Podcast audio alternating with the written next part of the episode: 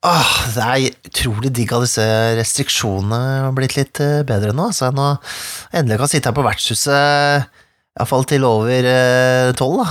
Det er så fint å kunne få møte deg ansikt til ansikt også. Jeg har jo tenkt på det veldig lenge. Det er sånn du ser ut. Ja, ikke sant? Eh, Er, er du skuffa, eller er du Du vet hva, jeg er egentlig positivt overraska. Wow, jeg høres Jeg er veldig glad. Kunne jeg bare kommet litt nærmere? Er det greit hvis jeg sitter litt nærmere? Får lov å Dere sitte nærmere står på en slette. Hva? Det er mørkt.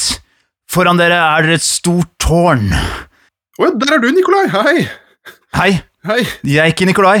Jeg er mentor.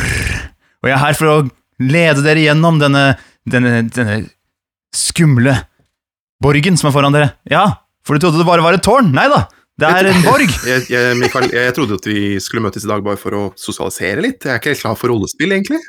Nei, det er på, det er på, det er på neste mandag. Det er ikke denne podkasten her. Dere kan sosialisere med goblinene som kommer stormende mot dere. Nei, ro deg ned, da. Ro deg ned, da.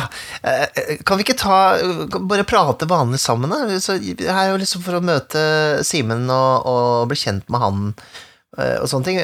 Må, må vi liksom Simen, det er dårlig, det er dårlig karakternavn. Oh, ja, det Jeg sier at du heter Zimenius Zlatan, og du er en trollmann. hvis, hvis det er måten du skal introdusere rollespill til meg på, så ja, eh, kjør på. Ja, nice. Jeg tror jeg har funnet riktig måte å introdusere rollespill for nye folk på, Mikael. Jeg er litt usikker.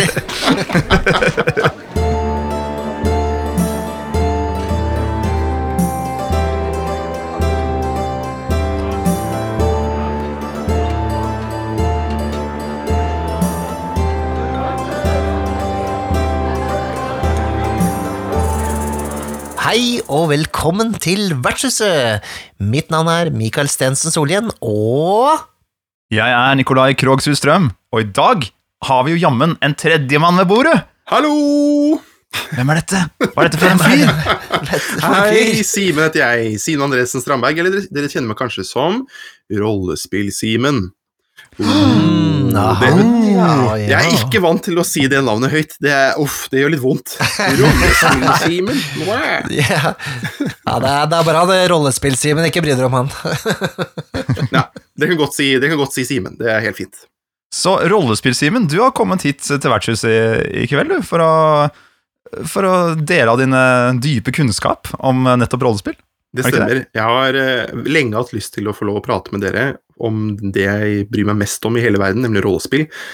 Og i kveld tenkte jeg det var lurt å snakke om noe som opptar meg spesielt mye, nemlig hvordan introdusere rollespill for nye folk.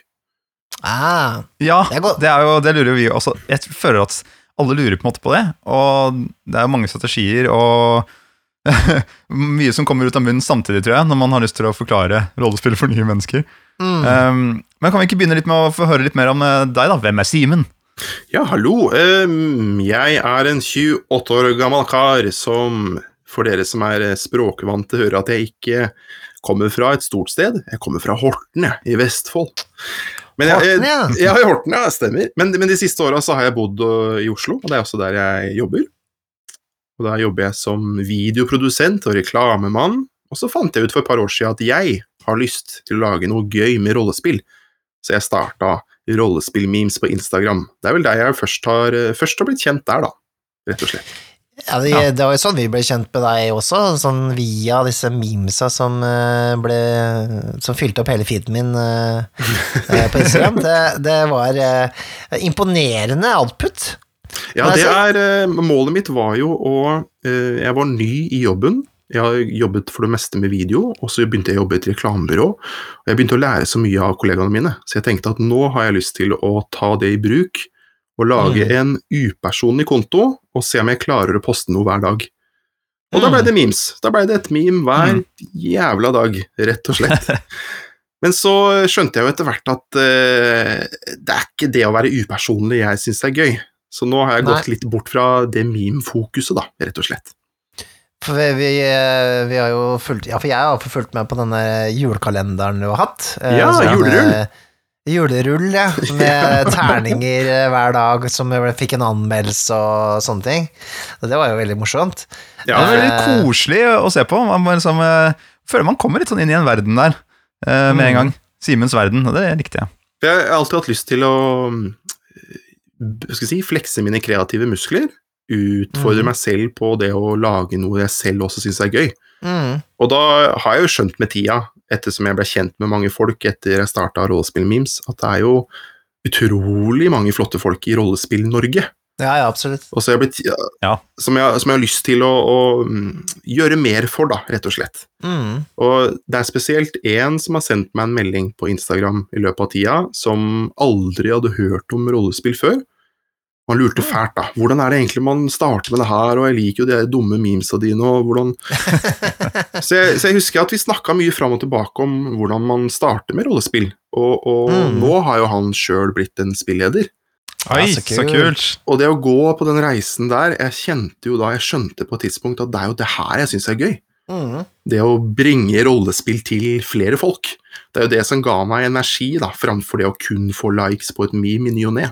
Det er en street preacher in the making, altså. Det er Men, men det er i hvert fall, da passa det fint. Da var det jeg som fikk lov å være kreativ og lage morsomt forskjellig kreativt innhold, og forhåpentligvis inspirere folk til å starte med rollespill selv, da.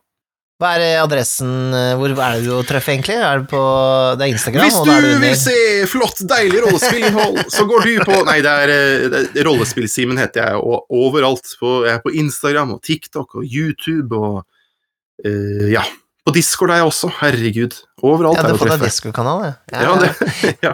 Nei, ikke dumt. Ja. Åssen er det TikTok? Er, du, er, er, det, er det komfortabelt, eller? Altså, det, er jo en, det er jo den nye plattformen å, å være på. Det er jo um, Det er jo mye dansing der. Det er jo mye um, trender. Og det er ikke Ja. alltid jeg er like komfortabel med, men jeg prøver å finne ting som kan være relaterbart for norske folk om rollespill. Mm. Og jeg merker iallfall det at mye av det vi gjør med rollespill, er veldig inspirert av USA, spesielt. Og det er Mm. også sånn på memes, altså på meme-trender. Jeg kan ikke, kan ikke komme over hvor mange dumme memes det er om at bards, de er kåte. Så, så, så det er noen sånne vitser som går igjen, som iallfall jeg, jeg Ja. føler kan bli litt platte. Så Mm. TikTok er en gøy plattform, men da prøver jeg kun å bruke det hvis jeg føler at jeg kan ja, gjøre noe unikt, da. Ja, jeg skjønner, skjønner. Kult. Det er en ukjent plattform for meg, eh, merker jeg. Så Ja, TikTok. Ja, du interessant hadde, å høre om. hadde elska det, Nikolai. Kan vi ikke danse litt sammen, da, du og jeg? Vi kan ha en eller annen collab. vi kan ha en uh, adelsdans. ja, det kan vi. Ja, for jeg hadde jo en liten sånn flørt her med, med Vertshuset og Rollespillsimen her, med, hvor Nikolai hadde en eh, karakter. Nei, nei vi sier, det, det var en karakter. Vi kan si Jeg det. er, jeg er mange personer, Mikael. Jeg rommer så mye. Nei, men er, det ikke, er det ikke adelsmannen som kommer inn døra nå? Ha, hallo? God aften! Jeg snakker kun så høyt så tjenerne mine kan høre meg. I en annen etasje. De er alltid rundt omkring. Ja, ja, god dag, Adil. Ja, tusen takk skal de ha for eh, de flotte terningene. De, de går dypt i lommen min, de er ganske tunge. Det var altså Lise. Velkommen som adelsmann, de også. Nå vandrer jeg videre. Jeg har noen, jeg har noen slott jeg skal kjøpe opp. Ja, ikke sant. Flere slott, ja. Hm, ha det. Ja, men, men ja, det mm, Iallfall jeg syns det er kjempegøy å lage sånne et eget univers med karakterer. Det er gøy. Kjør på. Mm. Ja, det har blitt litt Det har blitt noe etter hvert her. Eh, men ja, vi kan jo gå litt imot eh, temaet vårt. Eh, eh, altså, hvordan introdusere nye folk for eh, rollespill. Hva slags erfaring har du med det, Simen? Sånn, sånn utenom det gjennom rollespill-meme, så er du en, eh, er du en eh, ambassadør. Det er det jeg holder på å bli. Det er det jeg ønsker Mm. å bli, rett og slett. Jeg har selv, som sagt, gjennom denne Instagram-kontoen møtt mange nye folk, og skjønt at eh, det er ikke all informasjon der ute som er like god. Nei. Og at det er veldig avhengig av hva slags f.eks. spilleder som man møter på, hva man blir lært opp til. Og det Jeg er ikke sånn som har kjempesterke meninger på at man kan spille eh, feil eller riktig rollespill. Alle skal få lov å like det de liker, hvis du skjønner hva jeg mener. Men mm. Mm. ja, jeg, jeg savner kanskje en kilde, da. En kilde for god informasjon om rollespill. Mm. Nikolai, du, jeg introduserte jo så å si rollespill til deg, nesten. Eller jeg dro deg inn i min uh, greie, men uh, Ja. du har jo introdusert en del folk til rollespill, du òg. Ja. Sånne eksempler på det. Ja, men jeg har vel ikke skapt kanskje så mange uh, nyrekrutterte sånn helt fra bunnen av, føler jeg. Men Nei.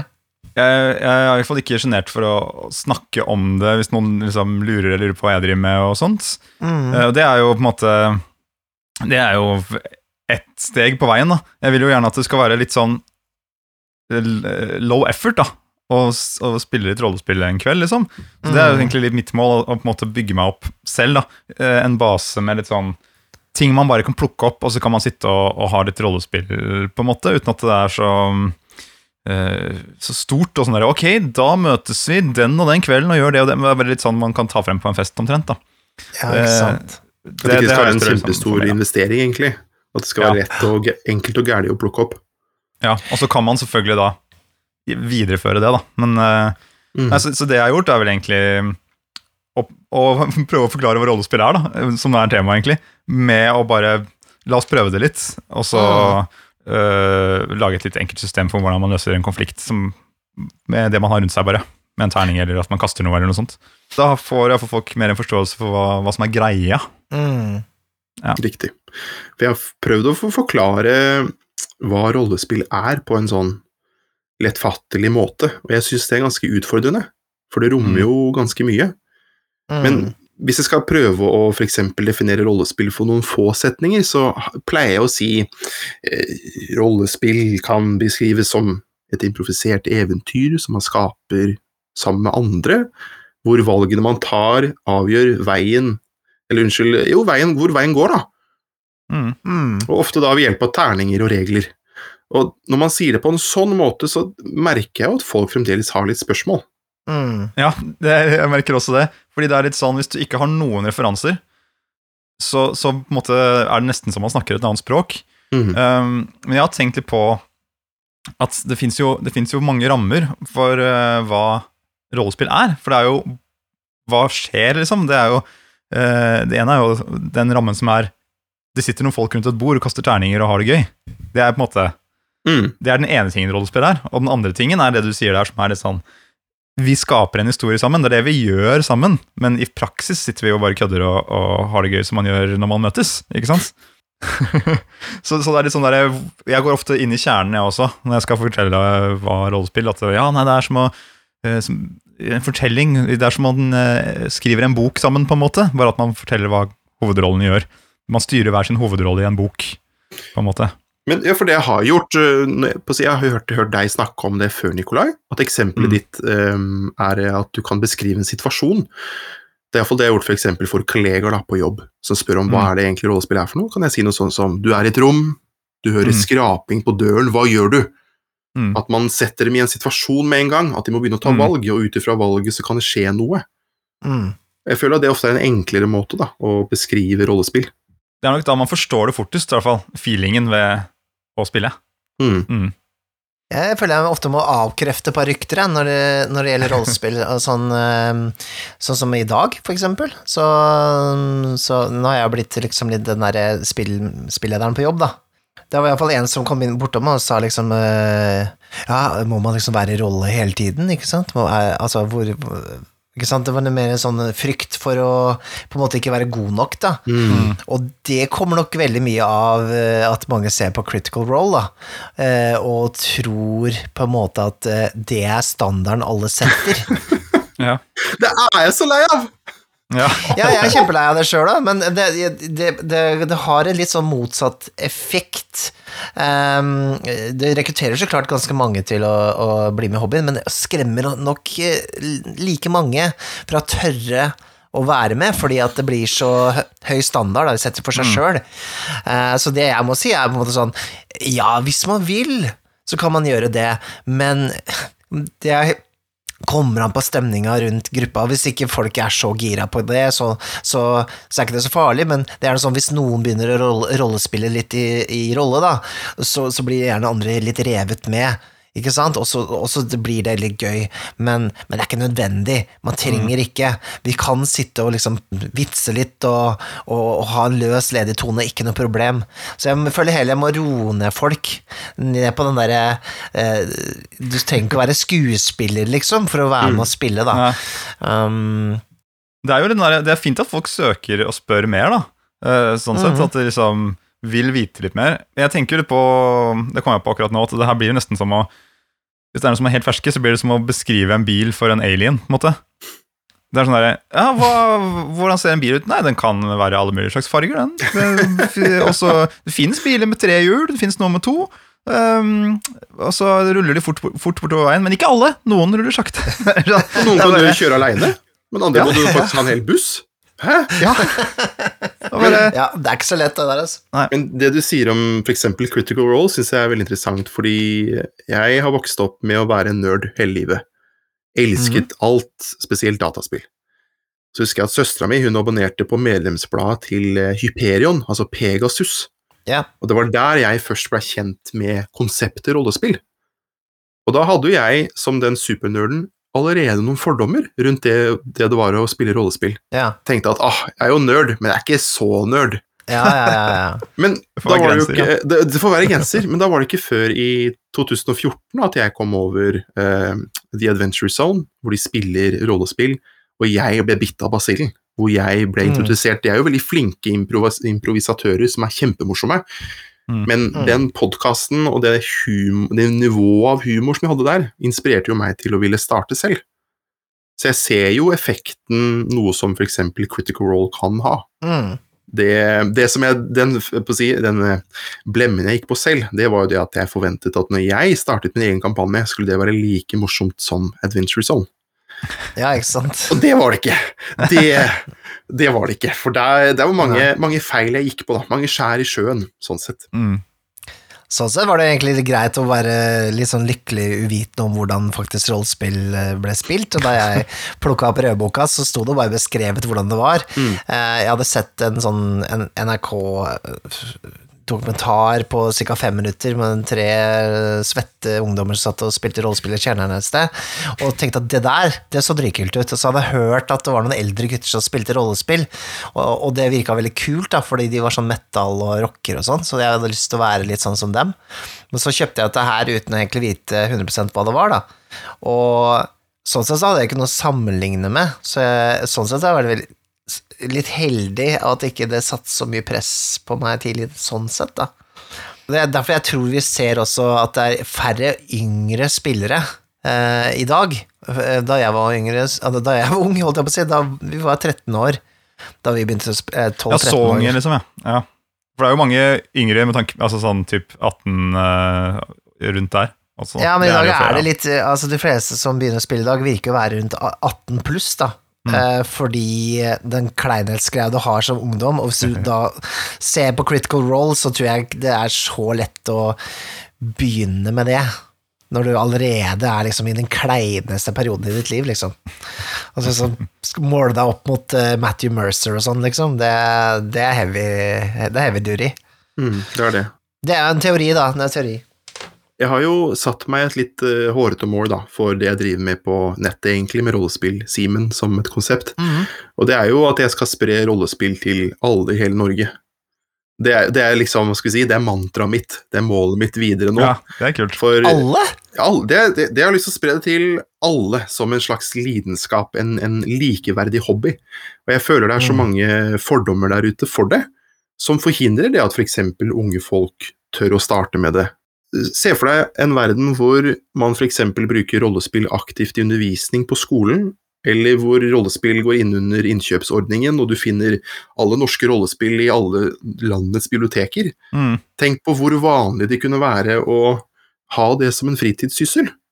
Mm. Mm. Og ikke minst er det sosialt, og du får utvikla kreative evner, men det er litt den derre selvhøytidelighetsgreia som mange nordmenn sliter med. At man Ja. tillater seg selv kanskje ikke det å, å kjenne på alle følelser. ja. Det er en ideal verden for, for meg, Mm. her, hvis, hvis man f.eks. hadde ja, hatt rollespill fra tidlig av. Vi har jo egentlig det. Jeg, støtter, jeg støtter dette prosjektet. Jeg støtter det veldig. ja, så bra. Det er jo det vi sier, nesten alle rollespillbøker sier jo det, at vi, vi, vi driver med rollespill som barn, men så glemmer vi det på et punkt, da. Mm. Um, men, eh, men eh, Ja, ja for, for Ja, men- rollespill blir jo lek med regler. mm, Altså, det er mange Mm. som kanskje kan henge seg litt for mye opp i regler innimellom. At det kan forhindre dem fra faktisk ha det gøy. Men, men Mm. det er jo at vi tillater oss selv innenfor en viss ramme som voksne spesielt, da, å ha det moro. Og glemme oss litt og leve oss inn og oppleve andre historier vi ikke ellers hadde fått lov, lov til å oppleve. Men det, det, jeg syns jo det ligner på, bare apropos det der du sa om å, at vi har det i oss fra barn. Altså Jeg kjenner jo igjen hvert fall mye av måten jeg spiller rollespill på selv, i på en måte den humoren jeg har med venner og med kona og sånt noe, hvor man spinner videre på noe et annet konsept noen slenger ut. da. Ah, shit, Tenk om den stolen her hadde vært laget av eh, Alle stoler var laget av glass, liksom. Det hadde vært uh, veldig sånn weird. Og så bare yes, og så bare kan vi snakke om det en time, ikke sant. Bare hvordan eh, folk hadde lagt seg under stolene for å se på hvordan rumpene til folk så ut. og ikke sant, bukser med, At det hadde blitt utrolig svett og svettestoler overalt. Og det hadde blitt utviklet produkt Folk måtte gå med bleie og sånt for at det ble så svett i rumpa på alle glasstolene. Jeg vet ikke, det, det, så, så det er sånn Det blir veldig spesifikt. ja, det blir sånn der, å riffe på en eller annen sånn der kontrafaktisk eh, greie. Blir litt sånn der, Mm. det, det blir nesten som rollespill det, for, for min del også, da. Ja, sånn, eh, En av de tingene jeg også syns er litt vanskelig, er å fokusere på de riktige tingene når du skal forklare hva rollespill er for uh, uinnvidde. Fordi jeg føler jo ofte at vi som eh, mange da, rollespillere elsker jo liksom regelbiten. Elsker kanskje konseptene, kanskje de tingene som er litt sånn dypt inne i boka, eh, og ikke er så flinke på liksom å velge ut det derre eh, essensen da, i et rollespill når du skal fortelle om det til noen. Eh, at man, man går for liksom de, de bitene som kanskje ikke appellerer før man faktisk er inni det. Mm. Eh, sånn at eh, jeg, jeg har spilt eh, Call Cthulhu med folk på jobben, så da, da er det liksom Ja, det er skrekkrollespill hvor man spiller etterforskere i relativt vanlige jobber, og så er det litt sånn Uh, og man ser rare ting, og så kan man bli litt gal, da, og så, og så er det ganske morsomt når ting virkelig går gærent. Hvis jeg stopper der, så har jeg egentlig Det er nok. Ikke begynn sånn der Du kaster hundrevis av terning for å klare ting, og så er det sånn derre Så har du sanity points som går nedover og sånne ting. Når du begynner der, så er det sånn åh, Ikke Ja. sant? Bør ikke overexplain it, liksom. Nei, nei, Nei. vi har en tennis til å gjøre det. Det er Ja. interessant du sier, um, for jeg sleit veldig lenge med mange av de memesene jeg lagde. Jeg skjønte ikke hvorfor det ikke gikk bedre med dem. Mm. Og så la jeg ut på et tidspunkt en selfie, og skrev at jeg var takknemlig for at det var så mange som hadde engasjert seg i det siste. Og den posten gikk det jo helt utrolig bra med i forhold. Mm. Så jeg har jo skjønt etter hvert at det folk reagerer på, det er jo åpenbart, men det er jo følelser. Det, det du beskriver nå, er jo det at folk eh, får liksom en smakebit på at oi, kanskje jeg kan føle på redsel eller spenning, eller «Åh, jeg blir litt hekta på det. Mm. Sånn som jeg er en spiller nå, jeg har vært en spiller i en fantastisk kampanje med en kjempeflott eh, spilleder i et par år, og Mm.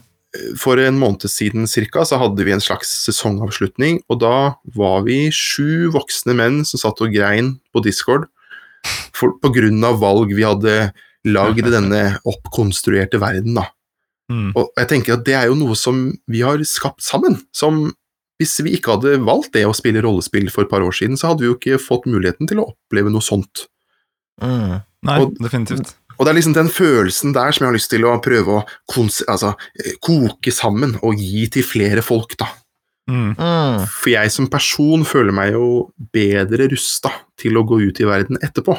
I det virkelige liv. Mm. Jeg, jeg, tror vi, jeg tror vi kom frem til et eller annet her. Ja. Altså, det, det, ja, men jeg syns, jeg syns det du sier der med, med følelsen Så jeg tenker liksom det, det For at hvis folk trykker på den Trykker på den podkasten her og skal finne ut hvordan de skal introdusere folk for nye, nye folk for rollespill, så må de jo få en sånn Hva kommer vi frem til-greie, ikke sant? Ja, ja, Eh, men, men som vi kan ha som et punkt, da. At eh, ja, gjør den der lille scenen hvor de må gjøre noen valg. Mm. Ok, jeg kan vise deg litt hvordan det er.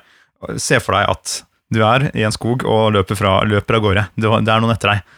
Og ikke sant, Så forklarer man at uh, greinene pisker en i ansiktet, og det står en hytte der fremme. Ok, der er, du ser en hytte med noe lys i. Hva gjør du for noe? ikke sant? Mm. Og så, og så gjør de et par valg, og så kanskje det holder, rett og slett. Bare at de har gjort et par valg, og så kan, svarer man på et par spørsmål, mm. som de sikkert har etterpå. Og så, og så kan man invitere på rollespillkveld Mm. Mm. derfra. For da har de fått liksom, Det er dette det går i, på en måte. Eh, det holder. Man trenger ikke å ta det så komplisert, nei. Ehm, jeg tror det er viktig å holde seg litt i eh, kort, kortfattethet når det Mm. gjelder eh, beskrivelse av rollespill. Det er derfor jeg liker spesielt eh, Det lille kvalet, som er et slags introduksjonseventyr i kvad, som er eh, Mm. ribba for regler. Det er bare så lettfattelig som mulig. Og det har jeg kjørt for et par stykker, og de hadde ikke hørt om rollespill før, og de syntes det var så gøy. For da var ikke Mhm. reglene i veien. Det var akkurat nok til at de kunne bli hekta på det, at de fikk lov å ta valg og var i livstruende fare. Mm. Du har, jo, du har jo mange spill som på en måte fjerner regelansvaret fra spillerne også. Sånn sett er jo eh, Kanskje vi går litt dypere inn i materien enn tidligere enn det var meningen, men er sånn som eh, Jeg tror mange Iallfall sånn som DOD, da, som forventer på Som har en egen players guide, eh, som, hvor man på en måte Iallfall ut ifra memes og ut ifra kulturen, da, eh, nesten eh, forventes å kunne den eh, før man kommer til bordet. Mm. Eh, eller mange som Jeg opplever mange føler det, da. Eh, så, sånn sett så er jo det egentlig litt sånn Det er en ganske stor dørstokkmil for mange, tror jeg. Det er en ganske høy list å stille, føler jeg, for helt nye, mm. ferske folk. Men eh, jeg har snakket med det her, om det her med venner, og det er veldig mange som anbefaler nettopp Dungeons and Dragons som eh, Det anbefaler de som et system for nye spillere, men jeg vil gjerne egentlig høre hva dere tenker om det. Altså, hva slags system, da, hvis det er noe som er mer begynnervennlig enn andre? Mm. For jeg er ikke, jeg er ikke helt sikker sjøl, da, rett og slett. Ja, ja, altså, greia er litt eh, Altså, med DOD så kjøper du deg inn på en måte i den kulturen da, som DOD er, og det er jo derfor mange vil begynne med det. Og sånn sett så har de jo på en måte gjort det enklere eh, eh, for seg selv, da. De kan, det kan være en dørstokkmil der fordi at det er en du, du på en måte Folk vil inn i den kulturen, da. Så det, sånn sett, det, det er til, eh, til Wizards of Coast sitt, eh, sin fordel, da. Men som eh, introduksjonsspill, sånn sett bort fra liksom merkenavnet, så syns jeg eksempel Norske Vandrerne, og det har jeg jo nevnt mange ganger, at det er et bedre introduksjonsspill, og bedre for yngre. Det blir lettfattelig, og det er litt sånn fantasy-ish. Ja, Ikke sant? Så du får, du får den derre Du får den dråpen med det du føler at rollespill handler om. Da. Litt sånn Ringenes herre-aktig stemning, er det ikke det? da? Ikke sant? ja, Med ja, den, den norske vrien, da. Og jeg er litt ekstra stolt over at det er et norsk system. Altså at det gjennomsyrer at forfatteren er norsk. Det, det liker jeg veldig godt. Mm. Mm, mm. Det kanskje er litt, litt nærmere hva folk er kjent med, da, rett og slett. Ja. Ja, og så er det lett å lese og, og komme gjennom den boka. Um, og eh, ellers så syns jeg jo også Cthulhu er veldig bra, da. Iallfall det startersettet er jo det beste Alene det beste rollespillproduktet jeg har sett. Ja, du, jeg, jeg, jeg møtte jo deg på Black Friday når jeg plukka opp det. Ja, Og jeg har jo fått eh, sjansen til å kjøre det etterpå, og det altså, det er kjempefint. Både som spilleder Mm. som aldri har prøvd det før, og for nye spillere. Det var veldig eh, selvforklarende regler. Hvis man selvfølgelig tok Mm. seg tid til det, så var det enkelt system å skjønne seg på på ganske kort tid. og det ramler ikke sammen hvis du glemmer noen regler heller, for det er også litt det som er litt fint med det. Eh, og så er den derre Ja, jeg spilte som sagt med min eh, 65 år gamle mor, eh, Ja. og hun skjønte det fint. Hvordan klarte hun seg da i møte med Kutulu? Ja, hun, hun de, Jeg tror de Jeg mener, husker de overlevde, faktisk. Det gikk ganske bra, begge to. Ja, ja. Og mora mi og broren min, da. Eh, hun cosplaya litt for anledningen, tok på seg litt sånn, eh, sånn eh, Fedora-hatt og Hei. tegna på seg bart, da, for hun spilte liksom en pre-genet character som var sånn der eh, Indiana Jones-person.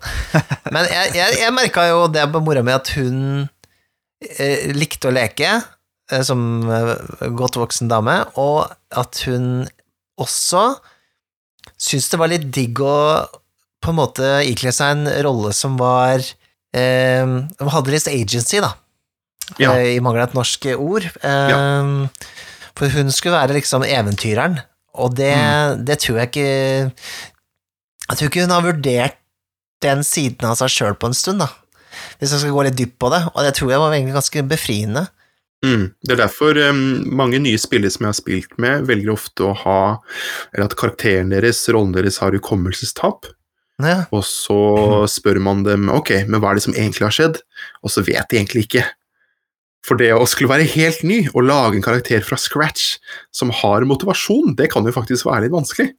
Mm. ja, definitivt. Da er det enklere å bare ja, vi får se hva som skjer. Vi får se hva som skjer når noen angriper. Kanskje jeg liker det, kanskje ikke. Ja, samme det.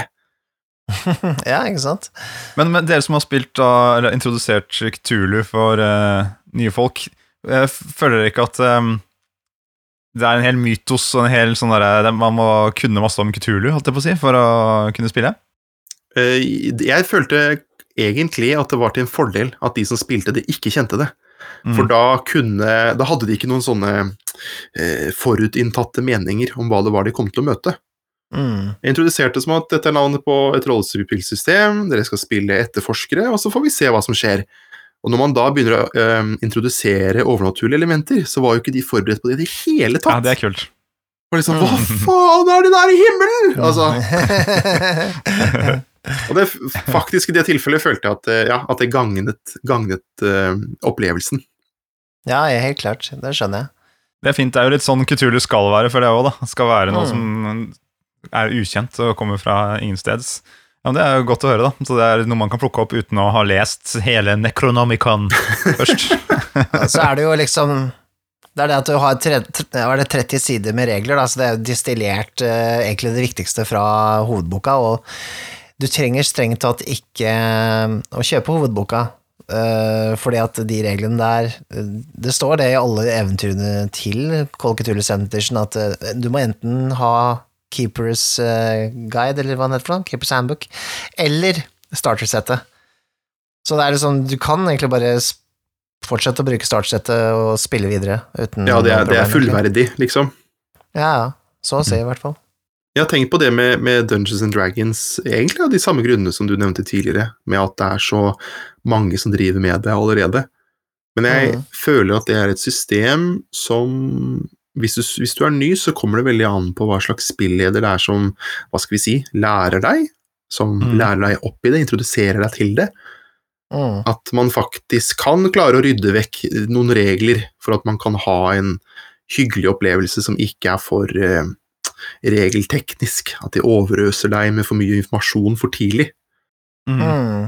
Og det Ja, jeg var jo sånn selv når jeg først var altså jeg, Når jeg først skulle spille rollespill, så var det Dungeons Dragons, og da var jeg spilleder. Jeg hadde aldri spilt det før, og det hadde heller ingen av spillerne. Så da var det mange regler som jeg bare rett og slett ikke visste om. Det var noen som skulle kjøpe en eh, suppe, skål med suppe. Hvor mye koster det? Nei, jeg sa det koster vel 30 gull. Jeg hadde ikke, jeg hadde jo ikke noe formening om eh, valuta, ikke sant? Og da, når jeg, når jeg først hadde sagt at en uh, skål med suppe kosta 30 gull, så hadde jeg allerede ødelagt økonomien til den verden. Ja. Ja, ja, Så ja. det, jeg endra jo på det til slutt, men, men ja. ja, ja. Det, på slutten av kampanjen kommer de tilbake til den stedet hvor de kjøpte den suppa, og bare Du Jævla svindler! lurte oss, din dritt! Jeg har gjort samme feil sjøl. Eh, faktisk, i den forrige Fifth Edition-kampanjen jeg kjørte, så var det hun ene skulle kjøpe en sånn svart perle eller noe sånt. Og det var visstnok en sånn, der, sånn magical component som ikke jeg huska, da. Og så sa jeg den kosta ditt og datt, for jeg trodde ikke det var liksom en ting som faktisk liksom hadde en verdi i det og det. Og det var sånn Hæ? Den prisen? Ikke sant? Og jeg bare sånn Er det no man. Sånn, hvorfor skal du sette en svart perle, liksom? Ja, så det, sånn, ting- det trenger ikke å være nybegynnerferdig, det, altså. Det kan være Du kan ha spilt i eh, 25 år og fortsatt uh, gjøre blemmer. Ja, det er Jeg, godt å jeg ville høre. ikke, jeg ville ikke anbefalt uh, Dungeons and Dragons hvis ingen har spilt det før. Hvis ikke det er spillederen og ikke spilleren har spilt det før. Rett og på grunn av det der, bare fordi eh, det, det er grunnen til at ikke jeg starta før med rollespill òg. Fordi jeg kjøpte jo Advanced Dungeons and Dragons som ungdom. Jeg syntes det var kult. Jeg hadde spilt det litt med noen, liksom et par ganger med noen andre som var erfarne. Og så prøver jeg å liksom få bukt med hva er, hva er det for noe? Men så klarer jeg liksom ikke å få tak på det. da. Jeg har slitt med sida si, men uh, det, selv, selv liksom uh, gjennom andre systemer og sånt òg, så er det sånn Å, reglene er plassert i forskjellige steder i boka. Når skal de Mm. brukes? Det kan eh, liksom, Det kommer an på situasjonen, står det så mange ganger. ikke sant? Og så er det sånn der, det, det har jeg slitt litt med, da. Mm. Så, så med tanke på å anbefale et rollespillsystem for nye folk, så vil jeg i hvert fall først sette an litt sånn Hva er det de vil inn i? Som dere sa, vil de inn i D&D-kulturen, fantasy, high fantasy, den greia Mm. der. Så, så ville jeg funnet et spill som, som eh, har med det å gjøre, eller få da en spilleder til å kjøre noe for, for deg først, da. I, DND eksempel. Mens jeg, som har mange metal-venner, ville jo kjørt Mørk Borg, selvfølgelig, som første rollespill. Det, det, det jeg merket, eh, nettopp fordi jeg hadde så et sterkt ønske om at min, min rollespillkampanje skulle være så gøy som denne podkasten jeg hadde hørt på. Det jeg ikke skjønte før seinere, var jo at i denne podkasten så hadde de jo fjerna masse regler for at det skulle være fornøyelig å høre på. Nettopp. Mm. Men når man begynner Jeg følte iallfall jeg at Dungeons and Dragons er et system som er eh, litt vanskelig å skulle plukke regler fra. Fordi plutselig så er det en regel du fjerner som har masse å si for en eller annen klasse eller subclass som du egentlig Mm. ikke vet om før etterpå. Mm. Sånn som den debatten om skal man telle piler man bruker, eller skal man ikke telle piler som man bruker. Er det noe man skal bry seg om? For hvis man ikke teller piler, så har jeg uendelige piler. Kan jeg bære så mange piler jeg trenger? Er det ingen som I denne verden her er det ingen som tjener penger på det å lage piler? Hæ? At det er mye sånne spørsmål, da. Det er flere Mm. spørsmål enn det man kanskje hadde lyst på i utgangspunktet, når man var uskyldig nok fjerna én regel. Ja, ja, ja, jeg, jeg ser den, altså. Jeg ser jo også det at DOD og sine på en måte avarter eh, kan også bli en sånn derre Hva skal jeg si, ja? Det er mer gymnastikk for på en måte logistikk enn altså, enn nødvendigvis rollespill, da. At det blir bare sånn Nå er det din tur, hva gjør du? Nå er det din tur, hva gjør du? Ok, du treffer for det, ok, greit, han bruker denne spellen, og du gjør det Altså, det, det, det er veldig lett Jeg syns det er vanskelig å opprettholde den magien på en måte som rollespill ofte krever med DOD. Sånn sett så føler jeg at jeg er egentlig en ganske ræva DOD-spilleder sjøl.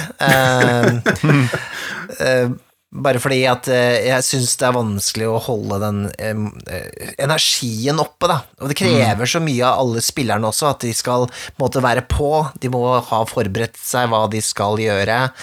For at det liksom skal faktisk liksom flyte, da. Og jeg ser jo det at ofte så er det jo sånn, iallfall i sånn eh, Adventures League og type sånne klubber og sånne ting, så er det, er det, er det gjerne sånn sju til ti spillere på et bord, ikke sant? Det er jo ikke nødvendigvis den aller beste måten å bli introdusert for rollespill på, kanskje, vil jeg tenke. Nei, jeg, jeg, jeg, jeg tror nok du har rett i det. Um, jeg spilte en gang med en spilleder som hang seg veldig opp i hva slags, uh, hva slags type skinn vi hadde på hanskene våre. For nå skulle vi inn i et kaldt område, og da var det veldig viktig at vi som vi hadde bestemt for rollen vår, hva slags skinn det var, avhengig av hvor bra den beskyttet mot kulden. Ja. Og da tenkte jeg at det her, det her er ikke rollespill jeg har lyst til å spille. Fordi, altså, men for, for noen er jo ja, men, ja, ikke sant? For, for noen så er jo den kjempelille sånn detaljfokuserte um, At man bruker mye tid f.eks. i en butikk på å prute og finne de beste prisene. Ja. For noen er jo det en perfekt kampanje. Mm. Eh, Og for meg er det ikke det. Jeg mer, kommer mer fra at humor, impro, vi tar det, går fint, jeg er litt rund i kantene. Eh, Mm. Og jeg tenker at begge deler er jo like mye verdt så lenge man som en gruppe har bestemt seg for det på forhånd. At det er avklart, da.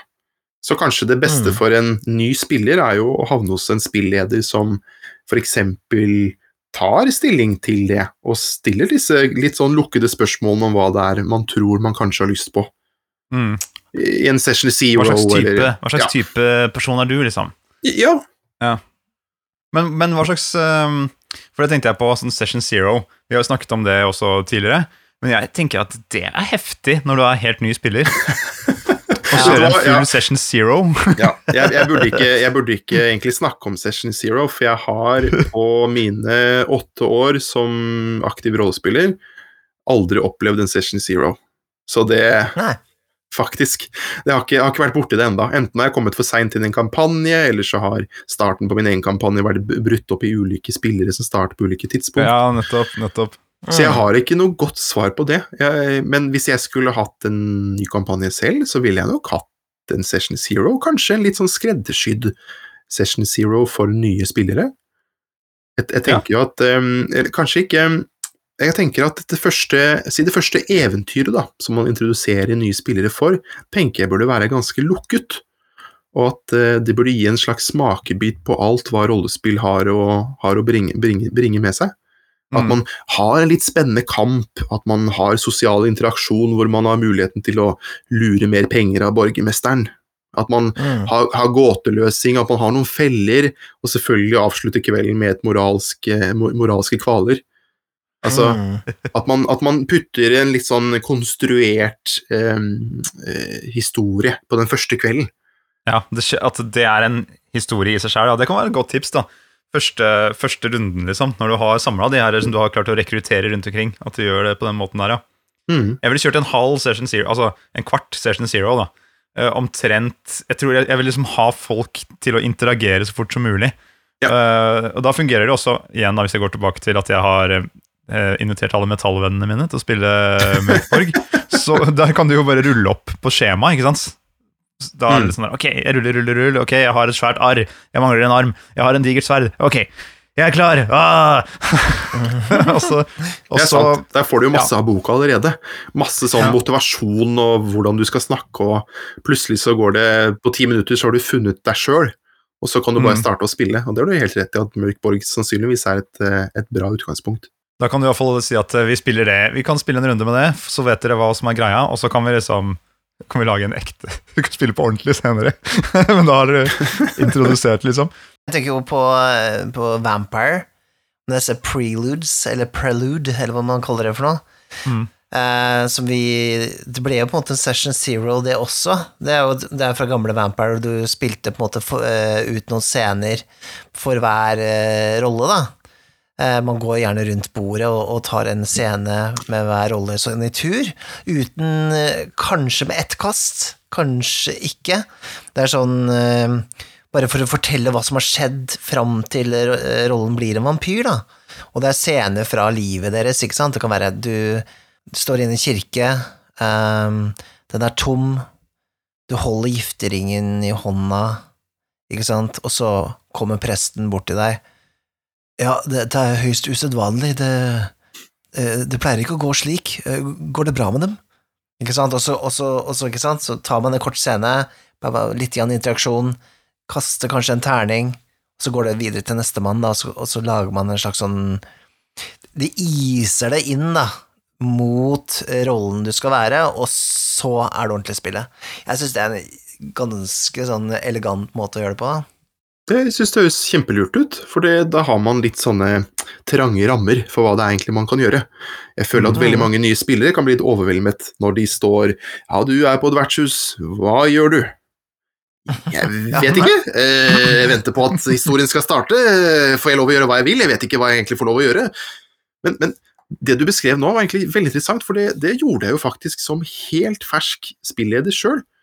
Det var Ja, tilfeldigvis, for da hadde vi ikke muligheten til å samle alle spillerne på samme kveld.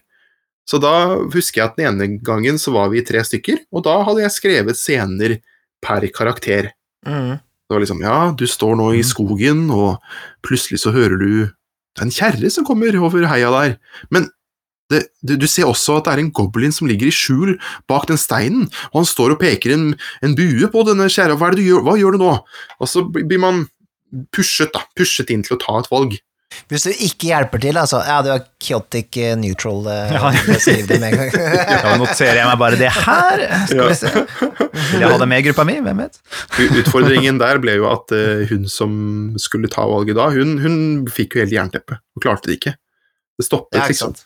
Hun Mm. klarte det ikke, så da måtte jeg prøve å kanskje komme med et, et, et valg som ikke var fullt så dramatisk.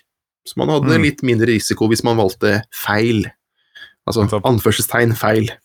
Man kan gi forslag også. Jeg har hørt noen som gjør sånn derre uh, Ok, hvis de står og ser at spilleren er helt rådvill, så kan man si sånn derre Det går an å for eksempel utforske uh, denne fjellet her borte, eller, et, uh, eller så er det jo Du har ikke fått se hvordan landet ser ut, du kan klatre opp i et tre og se for litt oversikt. Du kan snakke med de som står der borte. Ja, litt sånn tydelige ting, da. Så ok, jeg slenger meg på forslag nummer to der. Det, det gjør jeg. Jeg klatrer opp i det treet og ser, ser Ja. landet ligger.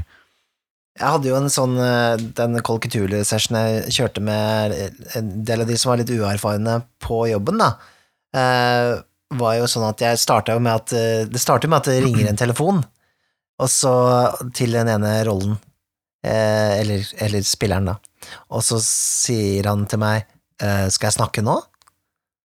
Og så Ja, ja, ja da må jeg bare prate.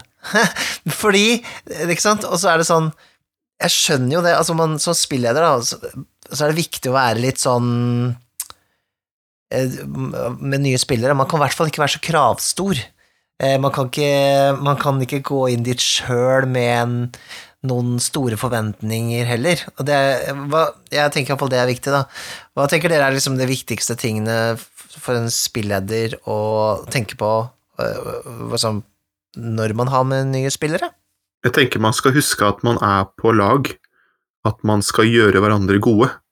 Mange nye Mhm. spillere kan være veldig usikre på hva, om det man gjør er galt eller riktig eller som forventet.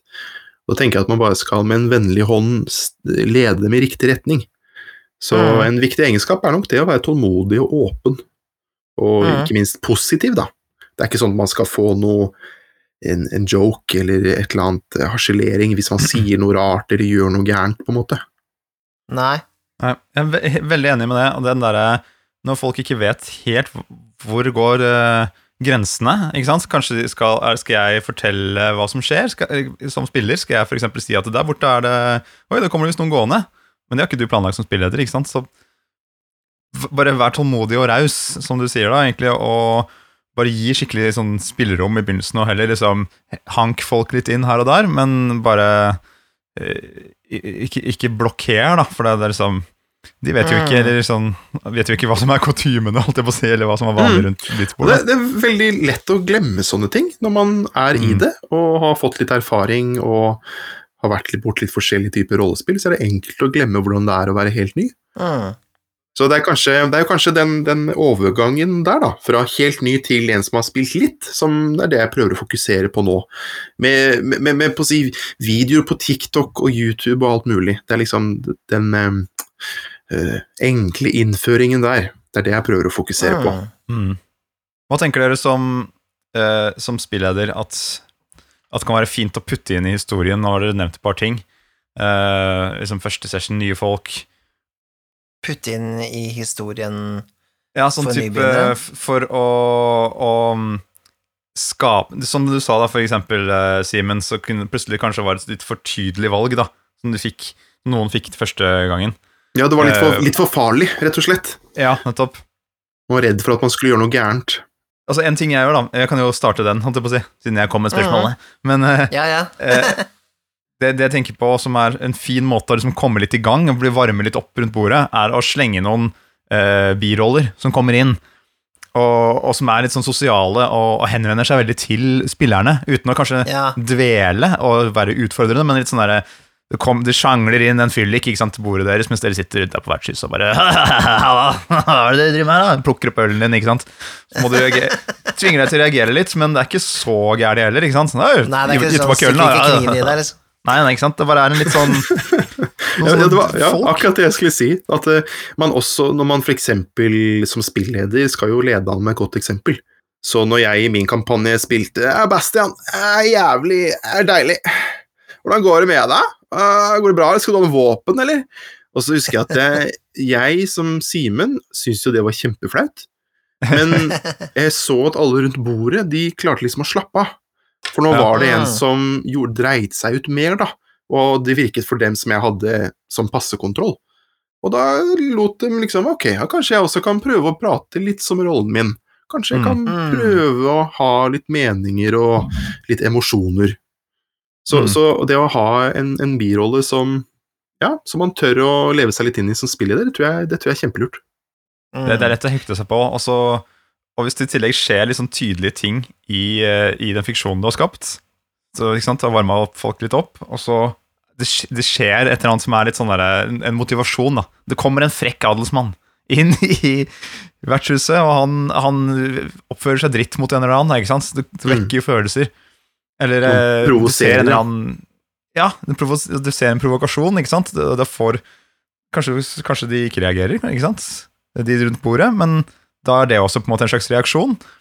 Uh, kanskje noen andre sier sånn der, det er ingen som skal gjøre noe. Uh, altså kanskje han dukker opp igjen senere. Kanskje det er noen trusler, en katastrofe, noe de må flykte fra, og det begynner å brenne.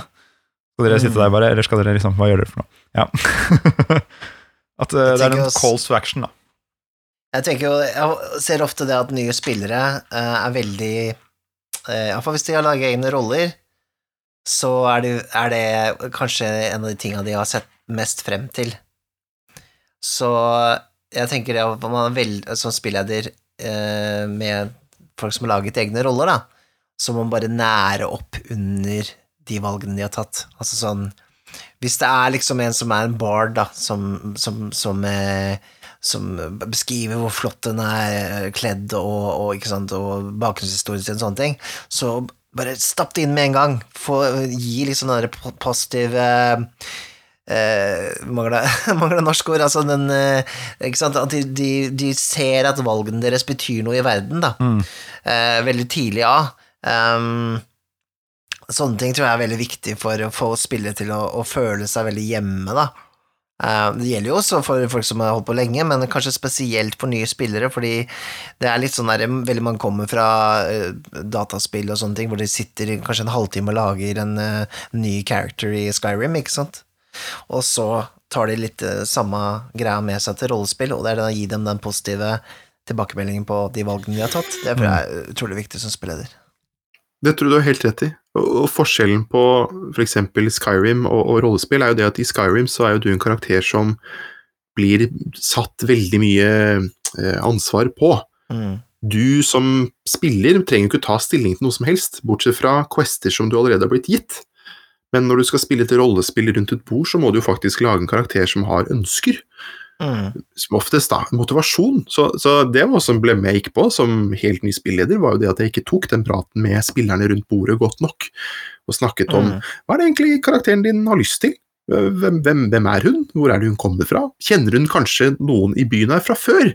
Det også er noe et, Mm. et greit at man kan eh, at det, det er ikke sånn at alle karakterer må være helt nye, fresh off the boat. De kan jo ha en bror i byen, eller jobbe i byvakta. Mm. Mm, mm. At de, som du sier, blir eh, Ja, at valgene de har tatt om karakteren sin, har noe å si med en gang. Mm. Veldig lurt. Vi, vi gjorde en sånn greie, Mikael, når vi spilltesta ditt, ditt rollespill, Det er mørketid. Mm. Uh, da fikk dere et oppdrag av høvdingen i byen, dere som var av vik vikingspill. Mm. Og så var det litt sånn, ok, alle går og Så skal alle gå og si ha det til noen de er De bryr seg om, holdt jeg på å si. Ikke sant? Ja, så de gjør en handling, da. Ordner affærene sine før de drar ut på oppdrag. Og Da Mm. kommer det fra masse godt rollespill. da, ikke sant? Da, hvem, er det, hvem er det barbaren går til? Han går til faren og brødrene ikke sant? for å vise at jeg skal også ut i verden.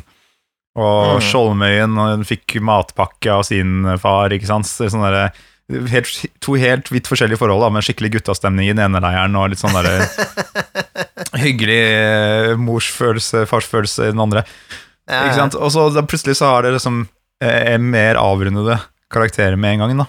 Så det vi egentlig, hvis vi skal prøve å koke ned, da, så er det det å gi lukkede spørsmål eller situasjoner med rammer, så folk skal kunne få en smakebit på hva det er å ta valg, Mm.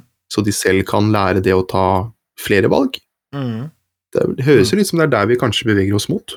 Mm. Ja, absolutt. Og jeg, men jeg også jeg, jeg liker veldig godt det tipset med at man faktisk, hvis man sliter med å ta valg, så kanskje gjør som en choose your own adventure-greie, da. Kom opp med noen alternativer og si ok, her er noen forslag. Er det noen andre som har noen forslag? Ikke sant? Ja. Bare begynn å løse litt opp i det og se at ok, det er ikke noen feil valg. Det er liksom Man tar bare valg, og så ser man hvor det går hen. Det er jo terningene du skal være redd for, ikke valgene. Mm. Strengt tatt. så ja, er mye godt. Men det, jeg tenker jo også her, da, som hver gang vi snakker om rollespill, så tenker jeg jo at eh, det å være spilleder er jo ikke så lett å være ny heller, da. Det er en oppgave, det òg. Ja. Det er det ikke, absolutt ikke. Eh, Jeg føler at jeg burde nok vært spiller først og erfart iallfall systemet før jeg bega meg ut på å være en spilleder, men mitt beste tips til spilledere er jo det å gjøre det ofte. Mm. Mm. Få erfaring, ikke vær redd for å gjøre feil. Og mm, jeg, etter hvert så lærte jeg meg det at man kan jo faktisk spørre de rundt bordet om å gi litt feedback. Mm. Mm. Sånn som eh, spillederen som jeg er med nå, han er kjempeflink på det å ta til seg feedback. Og mellom to, hva skal vi si, to kampanjer så sendte han ut et eh, Google-skjema med masse spørsmål. Litt sånn som å gi feedback til, eh, på en kundeservice. Så husker jeg at vi ga masse feedback på spesifikke temaer. Hvilken karakter er det egentlig du syns er best? Hvilken syns du er jævligst å møte? Hvorfor det? Mm. Så snakka vi masse om pacing og det å eh, respektere valgene man tar. Så, Mm. så det å, å utsette seg selv for, for å mislykkes, og så ta til seg kritikken, det tror jeg er eh, gode egenskaper å ha for en spilleder. Mm. Spilleder burde også rekl- eh, rekruttere nye spilledere. Mm. Ikke bare hente inn spillere og spillede, men litt sånn det, det er en fin ting å gi spillerne sine. Den følelsen av å sitte og holde, holde litt i dette eventyret man er på.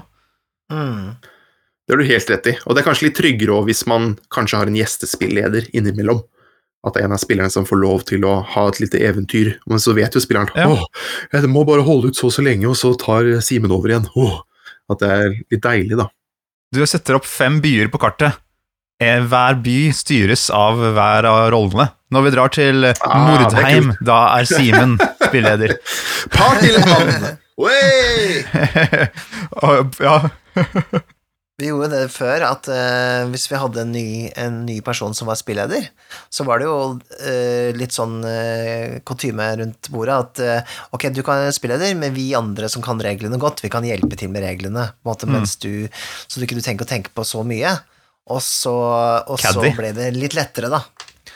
Mm. Jeg syns jo egentlig at man skal, eller må ikke, altså man skal jo ingenting, men, men det kan være et godt mål å ha, at hvis man er en gruppe, at alle i den gruppa skal prøve seg som spilledere i løpet av den tida man spiller sammen, da. Mm. Bare for å, for å liksom Jeg vet ikke, kanskje forstå hverandre litt bedre også. Eh, Jeg tror det kan være sunt. Mm, veldig. I don't know. Jeg kommer jo med en slags annen innfallsvinkel. Jeg var spilleder ja, halvannet år, to år kanskje, og så var det en av spillerne som nå er den som jeg har som spilleder. Og når jeg begynte å spille i den kampanjen, så følte jeg at jeg kom dit med litt annen innfallsvinkel. At jeg mm. gjenkjente kanskje noe av utfordringene han hadde som spilleder, som jeg Mm. da kunne være litt behjelpelig med å ja, legge til rette for, da. Eller eh, legge merke til andre spillere i gruppa som kanskje trenger litt drahjelp, eller et lite dytt. Mm, mm. At man henter inn folk hvis de blir litt stille, f.eks. Mm. Ja, ja det, er jo, det er jo vanskelig. Eh, Jeg sliter jo fortsatt med det, jeg. Sånn eh, eh, som spilleder, og, og, og kanskje se de som faller litt utenfor i Hvis det er noen som tar mye oppmerksomhet, så er jo ofte den personen jeg gir mest oppmerksomhet. Det er bare sånn naturlig, vanskelig greie. Mm, det er veldig Eh, kjapt, det ja. er veldig Det er jo ikke alltid like lett å, å, å gi alle like mye, mye screentime. Um, det er jo noe som man jobber med hele tiden. Spesielt ikke da når f.eks. litt sånn kanskje litt eh, folk i virkeligheten kanskje velger å spille en litt tilbaketrukken, mystisk eh, Litt all som eh, sitter der og hm, bare tenker seg om og vet ikke Ja, jeg svarer ikke for jeg er mystisk. Og da er det jo litt dumt, for det den personen kanskje trenger, er jo det å få litt spotlight. Ja. Og bli stilt Mm. litt eh, Stilt et valg. Send inn amerikanere eh, som NPC-er, sier jeg da. Hei, jeg, nei, jeg elsker sånne stille, innerslutte folk som sitter inne i hjørner. Hei, hei, mitt navn er eh, Andreas Carlsen. Kan jeg hilse på deg? oh god. Oh no. Apropos amerikanere, og det har jeg sett på ganske mye eh, sånne Let's Plays. De er jo veldig flinke til å, til å ja, for spilledere til å si awesome, awesome, cool, yeah, that's Ja. cool, yeah, awesome. Men vi har liksom ikke det i norsk eh, språk. Vi sitter ikke og, og kommenterer valgene til hverandre.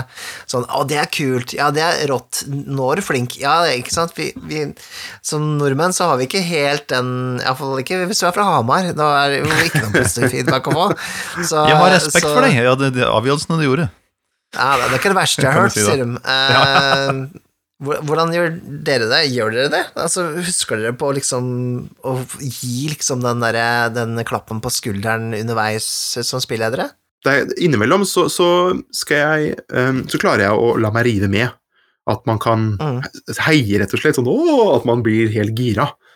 Men, men det jeg tenker kanskje kan være lurt å gjøre, er jo som, som spilleder, og for så vidt spiller da, til en annen medspiller, er jo det å kanskje sende en melding etter spillinga er ferdig, og si at fy flate, den løsninga du kom på i den kampen mot den goblin var helt syk. Wow! Mm. Altså, Mm, mm. at man bruker litt tid på å, å gi litt tilbakemelding. Ja, det er fint. Og at man føler at det man gjør, faktisk teller, da. Ja, I hvert fall hvis man må, må løpe fra sessionen, det er litt dårlig tid på slutten, og så bare Ja, fikk ikke egentlig prata så mye, var bare liksom spilte, spilte, spilte. Hvis du da etterpå får en Og så må du stikke, liksom. Hvis du da får en sånn melding etterpå, så er det Det er jo gull. Da er det sånn Yes, ok, men da Jeg ble sett der jeg, der jeg jo var, liksom. Ja. Og det er ikke alltid man har helt orken heller, rett etter spilling, og sitte der og liksom evaluere, hvis man kan si det på den måten, da. Mm. Mm. Og Jeg, jeg, er folk sånn som kanskje ikke alltid har, føler at det er så mye rom for, for det mens man spiller. Det er liksom ofte Nei. spilling av fokuset. Men, men i Ja. etterkant syns jeg det er viktig å ja, gi honnør. Mm. Du har jo XP, da. Så Ja, jeg, jeg er ikke fan av XB i det hele tatt. Ah, bu! nei, XB er best. XB, Mikael, nei. ingen komplimenter, men bare Sorry, Mac. Dere fikk vel XP, gjorde dere ikke det, da? Mm? Ja, så da var det vel greit? ja. Men dere gjorde noe riktig. Ikke i min bok, men i DND-boka. I rødboka. ja. Nei, Så du er en non-XP-mann, du også, Simen? Ja, jeg orker ikke XB. Jeg er ikke her for å telle opp tall på, en, på et meter. Hvis jeg vil det, så spiller jeg dataspill. Det er kanskje det hardeste jeg kan si. Men, men igjen, folk som elsker det, skal få lov til å gjøre det. Men jeg personlig liker å ha en historie hvor man eventuelt går opp i level fordi det gir mening i historien. Ikke fordi man har knerta 100 kyr på et beite for å få akkurat nok til å gå over en strek. Orker ikke. Jeg føler at du burde gå opp i level for det, Fordi da er du han fyren. Men hvis du dreper, hvis du dreper 1000 kuer på et jorde, så gir det ikke mening at du blir ridderen i kongeriket. Nei, At nei du lærer å snakke med liksom Gud fordi du nådde level 10 fordi du har drept alle kyrne i hele regionen. Jeg føler at Makes perfect sense to me, Altså, altså. Tenk, da- tenk for en historieutvikling. Du er som kjent som han fyren. Uansett hvilken by du kommer til, så er det sånn derre Du er han der som drepte 100 kuer, du, nede i Dalemark. Er ikke det Morten? Er ikke det han derre kudreperen? Å, fy fader, se! Alt han, har, alle, alt han eier og har, er laget av kuskinn. Han har klover istedenfor sko. Ikke sant? Det er, han er kumannen. Men eh, et lite sånn eh, eh, tema som jeg En litt sånn attpåtema, eh, som kommer av det der at vi vil introdusere folk for rollespill, er jo det at eh, det fins et konsept som heter gatekeepers. Eh, eller portvoktere. Eh, det, det blir slengt ut en del på Twitter. Eh, har dere opplevd det? Og eh, hva kan man gjøre for å på en måte få bort liksom den delen av kulturen? Altså, portvokter mener Da tenker du på folk som ikke vil dele av kunnskapen, eller som gjør at det ser så vanskelig ut at det ikke du vil bli med, eller? Dis, disse og disse folkene får ikke lov til å spille rollespill. Disse, sånn, disse spillene her er ikke verdig rollespill. Mm. Eh, sånn og sånn type spilling er ikke kult. Eh, altså, det er, jo, det er jo gjerne litt sånn eldre garde. Har det definitivt. Du opplevde jeg. det? Ja, som, som en som ehm, Hvis man ser på rolle, altså, Innenfor rollespill så er jeg jo en slags millennial, hvis man kan se på det sånn. Mm. At jeg begynte å spille rollespill pga. et medieprodukt. Pga. en podkast. Mm. Um, og da har jeg følt det, at uh, kanskje den eldre garde kan være litt negativ mot det. At man får um, starte å spille rollespill pga. noe annet som fikk dem til å spille rollespill en gang i tiden. Så jeg har jo kommet over det på Discord-servere og, og forumer, men jeg prøver bare å søke lenge nok etter riktig sted. Altså riktig sted hvor man kan Mm. prate med riktige folk. For um, det verste jeg veit, er jo folk som begynner å kritisere måten du stiller et spørsmål på, istedenfor å ha godvilje. Da får jeg Mm. null Mm. lyst til å fortsette den, den diskusjonen og bidra med å skape mer prat, da. Mm. for eksempel. Vi vil jo rive ned disse portene, uh, iallfall når det gjelder uh, Jeg har jo ikke sett så veldig mye til uh, som uh, personlig til kjønnsdiskriminering og den slags i rollespill, men jeg vet jo definitivt at det finnes der, og jeg har hørt om spillergrupper som er sånn Nei, vi spiller ikke med jenter, vi, for eksempel. Så, ja. Sånne holdninger som det der. men det, det, det er sånne ting som jeg håper på en måte dør fullstendig ut med denne generasjonen her med rollespillere, da.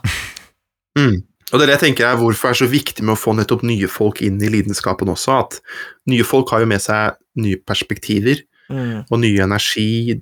Ny energi, de setter spørsmålstegn på, på, gamle, kanskje litt sånn antakelser om hva som er rett og galt. Mm. Mm. Det, det, er også en sånn som jeg har møtt noen ganger, ikke så ofte, men noen ganger, er det at um, det finnes en riktig og gal måte å nyte rollespill på. Mm. Da er det gjerne ofte kanskje et forum som består av eh, voksne, voksne, folk som har spilt rollespill i flere tiår, som har egentlig Voksne menn, med andre ord? Voksne menn, egentlig. ja, egentlig. som har snakket i hjel alle temaer som går an. Og når man mm. da, da har man på en måte nådd en slags sannhet. Så når det da kommer ja. noen nye med, som kommer med nye sterke meninger, så ja, det er ikke noe å si. Du er ny, gitt. Mm. Mm, mm, mm. ja. Så det er møtt. Men for, for, å få bukt med det, så er det jo å ha eh, åpne steder. Steder hvor man har mer velvilje for å hjelpe hverandre. Akkurat som en spilleder som får nye spillere. At, er, eh, at alle ser det ansvaret man kanskje har, da. På, på et forum eller en Discord-server, eller hvor, hvor nå enn det er man møter folk, på Outland, eksempel. Mm. Mm. Nei, jeg syns iallfall det er eh, Det er jo det er viktig å Jeg har tatt en anti-gatekeeper-stance i mitt liv når det gjelder rollespill, i hvert fall det. Og, eh, og, det ser ut som du også har gjort, Simen, og, og, du også, Nikolai. Jeg føler ikke at jeg har møtt så mye på det, gatekeepers. Det kan hende det, kan at det er en blind spot for meg. Da, at jeg Kanskje du er en? Sånn, kanskje jeg er en! Det er det der!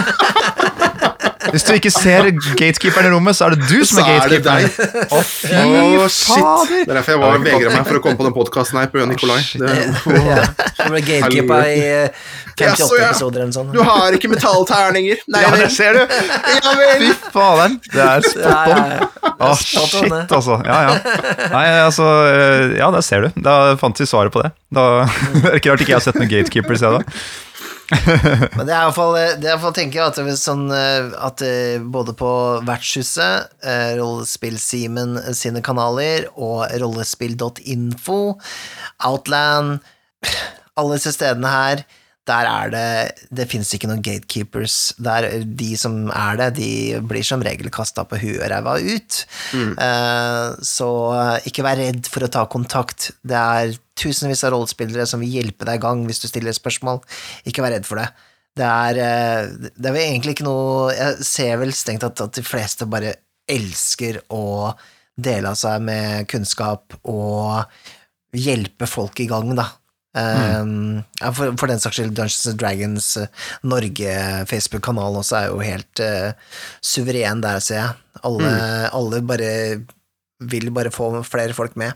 Men eh, det, det, akkurat det du sier nå, stemmer jo for den, den Discord-serveren jeg starta nå nylig også. Det var jo litt sånn for å få mm. kontakt med de som jeg snakker mye med én til én på Instagram. At det er litt mm. fint at de kan møte hverandre. Men også det at da har jeg jo et eget rom jeg kan ha litt ansvar for sjøl, og forme litt hvilken retning det går. Mm. Så hvis det er noen gatekeepers, for eksempel, så kan man prøve å hjelpe dem videre, eller hjelpe dem ut. ja, Plutselig har de bakt seg så godt fast der vet du, at du får ikke kaste den ut.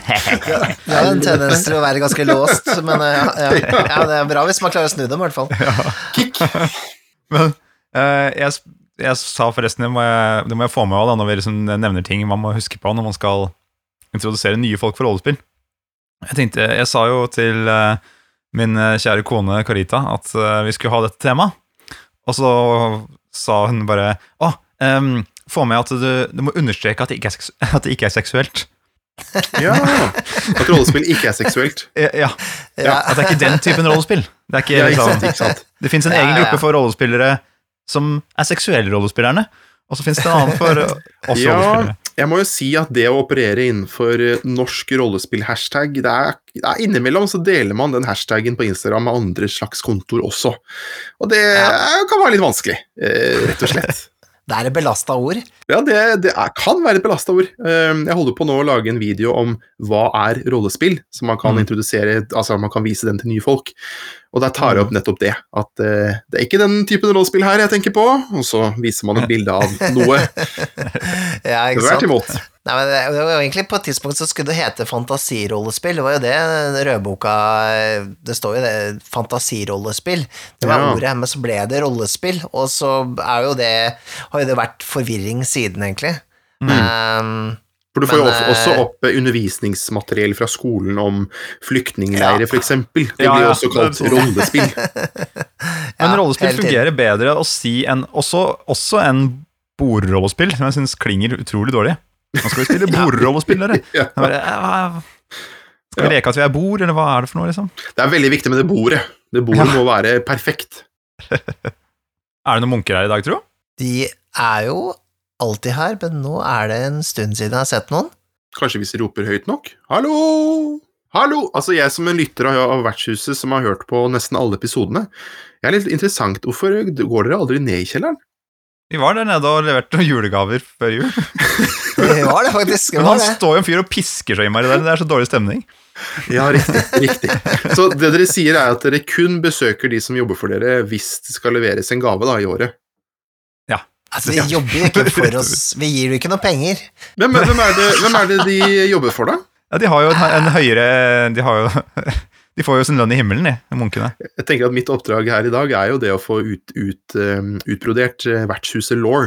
Den er jo litt spennende. Ja, jeg skjønner. Ja, det, du har jo, du har jo vertshuset for deg her nå. Du kan jo bare utforske som du vil, så henger vi på, vi. Men Nå er vi jo i storstua her nede. eh, Jeg skjønner ikke hvorfor den ene, den ene veggen brenner hele tiden. Det Ja. er bare masse ild her. Ja, det er der vi pleier å kaste brukte papyrus. Uh, Ja. Jeg skjønner. Det er derfor det er så utrolig varmt. Ja. Ja. Ja, det, peisen eh, Altså, vi har spart på peisen med å kaste kaste sånn der en, endless fire på bare en parti av veggen. Det For det er hele peisen, ja. Ja, jeg skjønner. Mm. Ja, ja, ja. Ja, ja, ja, ja. ja. Sånn er det fungerer. Det er mange som har snubla borti der sent seint på kvelden. Så det... Men eh, oi, nå kommer det, nå kommer det visst en, eh, nå kommer det visst en munk her. Kommer den Tassenes? Ja.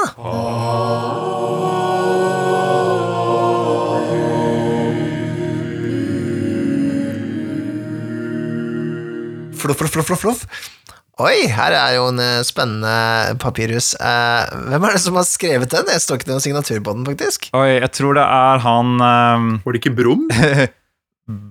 Brikolai von Adelstens eh, Knapfel, er det som har skrevet Ja, denne her. riktig. det har vi, ja. Eh, Riktig. Uh, for her står det Hva er det ved rollespill som gjør det til den ultimative Det er vel riktig å si ultimative, er det ikke det? Hobby. Og hvorfor ender alltid hobbyer opp eh, med å bli en kjempeutgift? Godt spørsmål. Ah, Hmm. Hvorfor er det den ultimate hobby? Vel, jeg tenker jo først og fremst at det er en hobby som i utgangspunktet er helt gratis. nettopp. Det eneste man trenger, er å samle venner. Det er det praktiske, det er det utfordringen man har, men ellers enn det er det jo helt gratis. Man, altså ja, man kan jo kjøpe et terningsett, men man finner jo alt man trenger digitalt. Og det er, det er så eh, liten terskel for i det hele tatt starte med det. Det er bare tiden man trenger. Kjør på. Ja, det, du har et poeng der, mm. men jeg som har eh, liker shiny things, eh, og liker å samle på ting, og føler jeg er en sånn eh, en completionist, som det heter, jeg vet ikke om det heter på norsk, eh, så eh, opplever jeg kanskje at eh, denne hobbyen kan bli kjempedyr, da. Men, Men det har vel litt mer som, med, med deg som person å gjøre, og ikke interessen. det, det har det. Som hvis du for eksempel har vært kjempeinteressert i bil, så hadde du kanskje brukt mye penger på bil, for eksempel. Å ja. Ja, det hadde nok det. Men jeg kjenner meg igjen i det, fordi jeg er jo en sånn som Jeg er jo en nerd, og mange nerder liker jo å definere personligheten sin ved ting de kjøper. Har jeg erfart? Litt, i hvert fall. Mm, mm. Og jeg merker at jeg kan liksom smykke meg med et flott terningsett, og da viser jeg at ah, gjennom dette kjøpet så viser jeg hvem jeg er. For jeg, jeg liker terninger, for eksempel. Mm.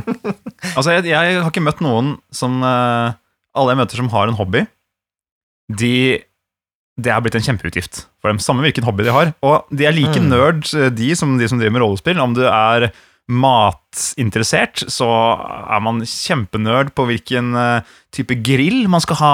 ikke sant? Man må, kan ikke bare ha en vanlig grill, man må ha en sånn keramikkgrill som er dyp, og man kan ha kull av flere lag, ikke sant? med en røykemaskin på siden. Og det baller på seg, ikke sant? Og de beste kjøttstykkene osv. Driver du med ski, så har du alt skiutstyret. Driver du med, ikke sant? Så det, går du tur, bare, det også er gratis. Men du må jo ha noen Mm. bra tursko som hadde god støtte ved ankelen, og ullundertøy, og du må ha en sekk til alt mulig. Så, så liksom, jeg tror det bare er den derre Det at den blir kjempeutgift. Det blir, hvis du har en hobby, så forbered deg på at uh, du bruker penger på det du er glad i. Mm. Ja, ja, ja. Mm. Jeg, jeg ser jo også det at uh, altså, mengden med underholdning timesmessig, eh, potensialet da, for en rollespillbok, er jo mye høyere enn veldig mye annen underholdning også, til og med dataspill. Um, jeg mener, altså Ja, det har jeg ikke tenkt på, det har du helt rett i. Så en, en eh, bok til 600 kroner uh, kan du komme veldig langt med, holdt jeg på å si. Altså, Årevis, årevis med underholdning i den ene boka. mm, Mm, det Og, er sant. og jeg tenker jo på rollespill altså Hvis man skal prøve å begrunne hvorfor det er en ultimate hobby, Mm. så er det jo det for meg at den, den eh, sjekker så mange bokser. At man får lov å Mm. være kreativ, man får lov å være sosial, at man kan oppleve historier som gir et nytt perspektiv. At du opplever sinne og sorg og glede i trygge rom. Og jeg merker jo at veldig mange voksne spesielt, de glemmer kanskje det å ha det gøy. At man blir litt sånn fanga i, i, i hverdagens jag, da. Så man Mm. tillater seg sjøl kanskje ikke å være sånn lidenskapelig over ting. Og selvfølgelig er det jo utfordrende å finne tid nok, men, men jeg tenker at Mm. godene rundt det å samle seg rundt rollespill, um, at det er verdt å ta seg tid til. Ikke finne tid til, men å ta seg tid til. Mm. Så verdt investeringen, føler jeg. Ja. Eh, altså sånn Jeg vet ikke Jeg er jo litt sånn glad i å se på bokhylla mi og, og se at jeg har liksom komplett World of Darkness-samling omtrent, ikke sant? Eh, Det er vel litt sånn Det er jo teit i seg sjøl, det, men Da fikk du sagt Men- det, Mikael. Nei, nei, jeg har ikke Jeg har ikke Jeg har ikke, jeg har ikke komplett World of Jeg har Darkness-samling. limited da, edition, mint gold, og jeg har alle på alle språk i hele verden, faktisk. Nei, da, jeg, Da føler jeg meg vel. Det, det ja, det, det man kjøper seg jo lykke her i livet noen ganger, eh, men, um, Det gjør man. men, men uansett, det, det er et eller annet med, med hvor mye glede jeg har av det, både for, for å lese det, og se på bildene, se på estetikken og rollespillbøker. Det er jo en helt egen greie. Det er jo ingen bøker som ser sånn ut annet enn rollespillbøker, er det det? Nei. Altså, vanligvis har en, eh, en bok et cover, og så har det tekst inni, og så kanskje et bilde eller to, men rollespillbøker er jo estetisk pene, som regel, da. Eh, er de velgjorte, liksom. Så, så jeg Det er jo litt som å kjøpe seg en kunstbok også. Og så, ja, som du sier, det kreative, den, den, eh, den følelsen Jeg får en følelse av eufori da, når jeg har spilt rollespill. Eh, ofte en slags Jeg har sammenligna det med sex et par ganger her, litt sånn kleint. Eh, på den måten at man føler seg liksom som mentalt draina på en god måte, da. Altså sånn Jeg føler liksom jeg har fått, liksom, fått ut et eller, frust et eller annet av kroppen, da, eh, når jeg har både spilt eller spiller et rollespill. Mm. Og at jeg alltid er det noe man kan bli litt bedre på, eller noe som man har lyst til å utforske, som man har ikke gjort ennå. Sånn at det er liksom sånn Jeg føler det er så mye kreativitet, så mange aspekter i det, sånn at det, det er en sånn Jeg føler man jobber med seg selv like mye som man jobber med rollespill når man spiller rollespill, da. Mm. Mm. Det er Det er alltid mulighet for utvikling videre. Mm. Det virker som du, Mikael, liker eh, Altså, det som gjør det til ultimate jobber for deg, kan være litt å være i rollespill eh, En sånn rollespillsfære, Mm, stadighet mm, også. mm. sånn som jeg tolker det litt. da For, for min del Ja, så tror jeg det, det som gjør det til en ultimate hobby, er at i mange andre typer hobbyer, da, hvis jeg skal sammenligne, så, så er man på en måte seg selv hele tiden. Altså, du går på ski, da er det bare du gjør det samme som du gjør til vanlig, bare at nå er du på ski, ikke sant? Uh, mens når du spiller rollespill, og det er din hobby, så får du liksom muligheten til å snakke med en annen stemme, eller du tenker nye tanker. Du kan få nye innspill hver gang. Perspektiver. Ja, ikke sant? Du får, du, du får um, et helt annet type påfyll da, Uh, og det kommer liksom innenfra fordi du er delaktig. Det er ikke bare at å, jeg så en ny film i en ny sjanger som jeg ikke har prøvd før. Det er, det er eh, Du er i det selv, og du får prøvd ut noen ting som du aldri ellers uh, ville fått prøvd ut i kanskje vanlige sosiale settinger. da. Mm. Det er jo kanskje sånn litt i, litt i fare for å bli for personlig, men når jeg startet å være spilleder, så hadde jeg det ganske kjipt, altså rundt eh, den tiden. Mm. Det var mye sånn Mm. dødsfall i familien, så det, hadde, det var egentlig en ganske dyster tid, rett og slett. Og mm, det å da kunne gå inn i rollespill og leve seg inn ikke sånn, Jeg er ikke så fan av å se på rollespill som eh, eskapisme, at man prøver å unngå noe, men det tillot meg å kanskje kjenne på følelser som jeg ikke hadde så veldig lyst til å føle på i virkeligheten. Mm. Mm. Men jeg som person gikk jo gjennom de følelsene likevel. Mm. Og selvfølgelig det da at man har en unnskyldning for å møte gutta en gang i uka. Mm. Ja. Det at, Og det også kan ha flere positive sider man kanskje ikke tenker over. Det å samle folk er ikke like lett alltid, hvis det ikke er en sånn Man har en plan om å møtes en gang i uka og gjøre en ting, da. Eller annenhver uke, eller en gang i måneden, eller hva det er for noe. Ehm, og jeg, jeg føler jo at veldig mye av mitt sosiale liv har jo vært knytta til rollespill, egentlig. Ehm, kanskje også liksom det behovet jeg har for sosial interaksjon, har jeg egentlig fått ved gjennom rollespill ofte. Så ja, eh, ultimat, ultimat greie. Mm. Bra spørsmål. Ja, jeg skal hilse han eh, som sendte det inn. Ja, takk skal du ha, innsender. het. ja, Brikolai. Brikolai var det han het. Men eh, eh, Simen, du kanskje burde rygge litt oh, unna den, den flammende veggen der. Og oh, oh. Jeg tror det er Jeg, shit, jeg tror det er Det må det ikke være! Jeg tror det. Å nei!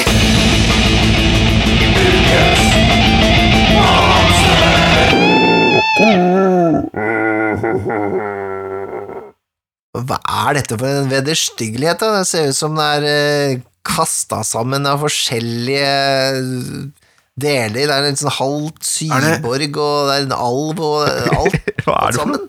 Er det et, er det et hjemmelagd monster? Er det et homebrew-monster? Å nei. Homebrew! Hjemmebrent monster! Ja, hjemmebrygga. Jeg, ehm, jeg har nemlig funnet fram et monster som jeg har møtt som spiller, og jeg har gjerne lyst til å komme med en liten, liten fortelling fra den kampanjen hvor vi møtte dette monsteret. Og i, I gruppa som jeg spilte i, så var det en halvork som het eh, Gnorkine, og hun ble skilt fra sine foreldre ved fødselen. Så Gnorkine hun vokste opp i en, en goblinby og trodde at hun egentlig bare var en svær goblin. Men eh, Gnorkine hun var jo glad i å lage mat, så hun starta restauranten McNoblins.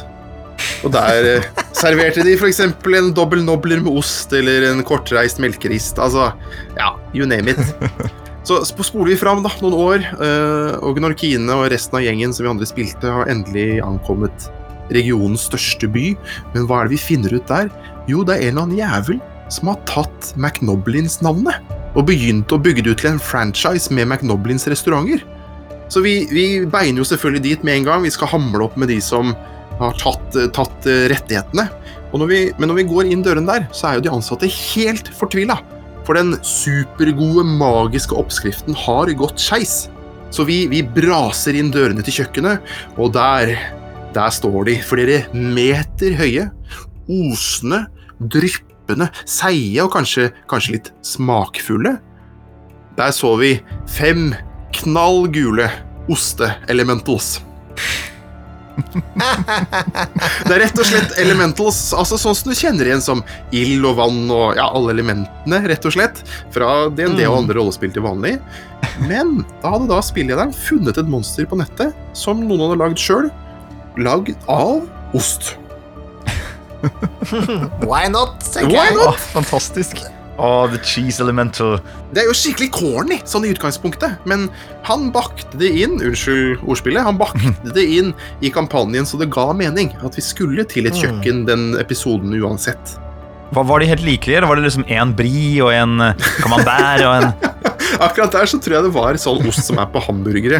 Jeg vet ikke hva slags ost det er, men eh, Cheddar. cheddar, selvfølgelig. selvfølgelig. Mm. Men der, eh, da hadde rett og slett oppskriften gått i helvete, og de begynte å angripe. Og det ga jo noen utfordringer for oss som spillere, for da kunne man ikke gå nærme nok. Da bare brant man.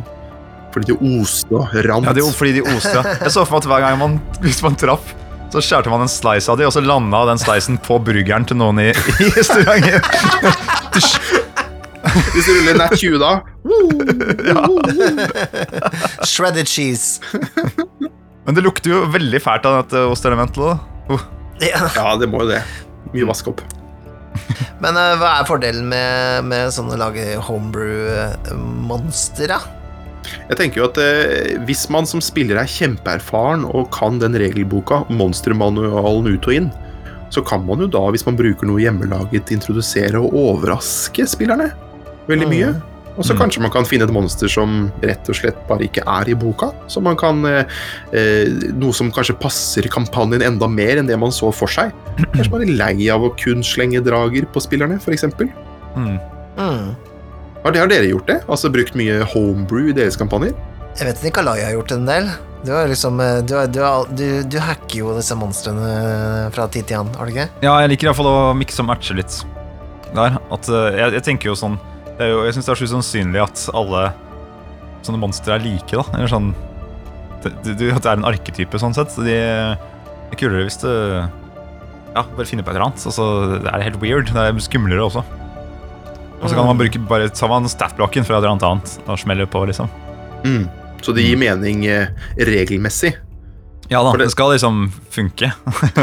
Det er jo det jeg merker jeg kan være litt sånn var på når jeg er på nettet og ser på at folk har lagd, at det er jo ikke sikkert det er balansert. Det er ikke alltid man vil det, men man må liksom være litt obs på akkurat det, da. Mm.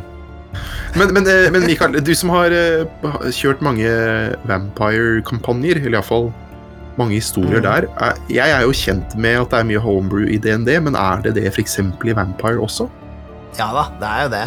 Du har jo eh, Du har jo mye eh, Altså gjennom Storytellers Vault, da, som er en sånn egen eh, Hva skal jeg si Sånn online butikk hvor folk kan lage egne greier, så har de jo laget egne bloodlines og egne Folk er Det er, det er liksom sånn Vampire er fullt av law, veldig sånn streng law, men jeg opplever at veldig mange spilledere og, og spillere og sånne ting er mye løsere med det enn det jeg er, eksempel. Jeg, jeg elsker jo den at det er en litt sånn fastsatt law ofte, og spiller veldig mye innenfor de tingene. Det, det liker jeg. Eh, men det hadde ikke vært ukjent for meg å på en måte lage til en vampyrklan som var ukjent inntil nå, som som eksempel hadde sånne mentale evner, da. Sånn ekstreme mentale evner. Det kunne jeg liksom dra ut av ræva sånn kjapt.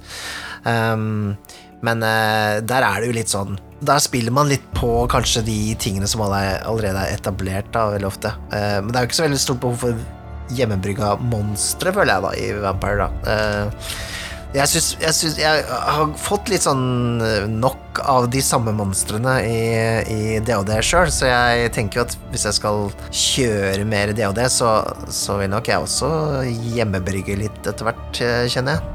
Ja, for grunnen til at jeg spør, er jo det at um, det er ikke alle systemer som er like åpne da, for homebrew. At, at kanskje noe av systemet kan falle litt fra hverandre hvis man har litt for, litt for wacky monstre, f.eks. Ja, Det tror jeg ikke har vært et problem der, altså. Er, for det, reglene er veldig løshendte, egentlig sånn. Altså, de, de, det bryter ikke sammen hvis du gjør noe utenfor. Jeg tenker, jeg tenker man kan gjøre det En ting som jeg gjør, i hvert fall, det og det Fordi der syns jeg det er så teit, f.eks. med et eller annet sånn utrolig skummelt eh, monster. da Og så skal de angripe, og da er det sånn Den har et bite attack og to claw attacks. Og det er, det er ikke noe skummelt. Synes jeg, Hva er skummelt med det, da? Ang, i, i, hver gang. Eh, Det må jo Ikke sant, så man bruker de angrepene som står beskrevet, altså, men man kaller de for noe annet for spillerne. Ikke sant? At Mm. dette angrepet så sveiper han halen langs uh, murveggen, og det faller steiner på deg. Ikke sant? Så da bruker du bare staten Mm. til claw-attacken. Men det beskrives som noe helt annet. Ja, så Og- ikke det blir så hva skal vi si, firkantet, rett og slett. Ja. Forutsigbart at det er et system. Ja, nettopp. Jeg, jeg, jeg pleier ikke å se på de greiene der, jeg. Ja, jeg ser det. Du, har, du har evolved beyond it. Sånne lair attacks og sånne ting. Nei, det, det orker jeg ikke. Det, men ja, det er jo litt sånn jeg, jeg tar jo ofte ideen fra et monster, og så kjører jeg liksom litt Jeg bare jazzer litt eh, videre derfra, da. Um, så sånn sett så homebrewer jeg og hvordan de oppfører seg og sånne ting. det er jo ikke så Der er jeg ikke så nøye på å følge på en måte regeloppsettet, da, for hvordan de oppfører seg og, og ter seg. Mm. Så sånn sett så homebrew er jo det, da. Så dere stiller dere positive da, til homebrew Å ja, ja. Oh, ja, ja. Og også til å parodiere Hvis man parodierer det faktum at man bruker en sånn veldig standard fiende. For eksempel en sånn veldig self-aware goblin som bare vet Nei, jeg har bare sju hitpoints, jeg. Det, det Har du skjønt metaen, ja, liksom? jeg har fått meg, jeg har mange kamerater som har eh, møtt på sånne eventyrere som deg, så det Jeg, jeg, holder, meg, jeg holder meg unna, jeg holder meg i bakgrunnen, jeg. Det er sånn jeg overlever. Ja, du har vel bare ett angrep, har du ikke det? Ja, ja. Får ikke du gjort noe mer runde her. Jeg har kasta spydet mitt, så får ikke jeg gjort noe mer. Det er, en, eh, det er en veldig morsom eh, bok som jeg kjøpte for en liten tid tilbake. Som har verdens lengste navn, men er til uh, rollespillet Lamentations of the Flame Princess. Som, hvor du kan generere monstre med sånn bare bøttevis av forskjellige Ja. tabeller. Vinger og øyne og Var det den gangen dere trillet og, og, og, og fikk et sånn terningmonster? Kan det stemme? Ja, For lenge det var, det sammen, det var den boka Ja, der, ja. ja. Uh, den er jo litt eh, teit, men, men samtidig så du ruller jo til og med på hvordan form den skal ha. Da. Så den, hvor mange kanter, eller om den er rund, eller om den er liksom som en larve, eller Og sånn sett så kan du komme på de mest absurde greiene, da. Uh, og jeg har jo også Det er jo en Vi snakka litt om Frankenstein i forrige episode. Ja, for noe dritt, ass. Ja, du liker ikke Frankenstein? Nei. Hva er det du sånne sier? til- Liker du ikke Frank Frankenstein? Nei, han liker ikke, nei, liker er ikke filmene. Hva er det du ikke Eller? liker? Er det filmene eller historien, eller hva? Det er den opprinnelige, Jeg skulle lese den opprinnelige boka. Jeg tenkte jeg har Ja. prøvd å lese noen klassikere. ikke sant? Så hvorfor har det blitt klassikere? Jeg er nysgjerrig. Plukker jeg opp Frankenstein. Og så, ja, ja, jeg følger med. Leser bok begynnelsen. Veldig bra. Det er på polområdet der og sånt.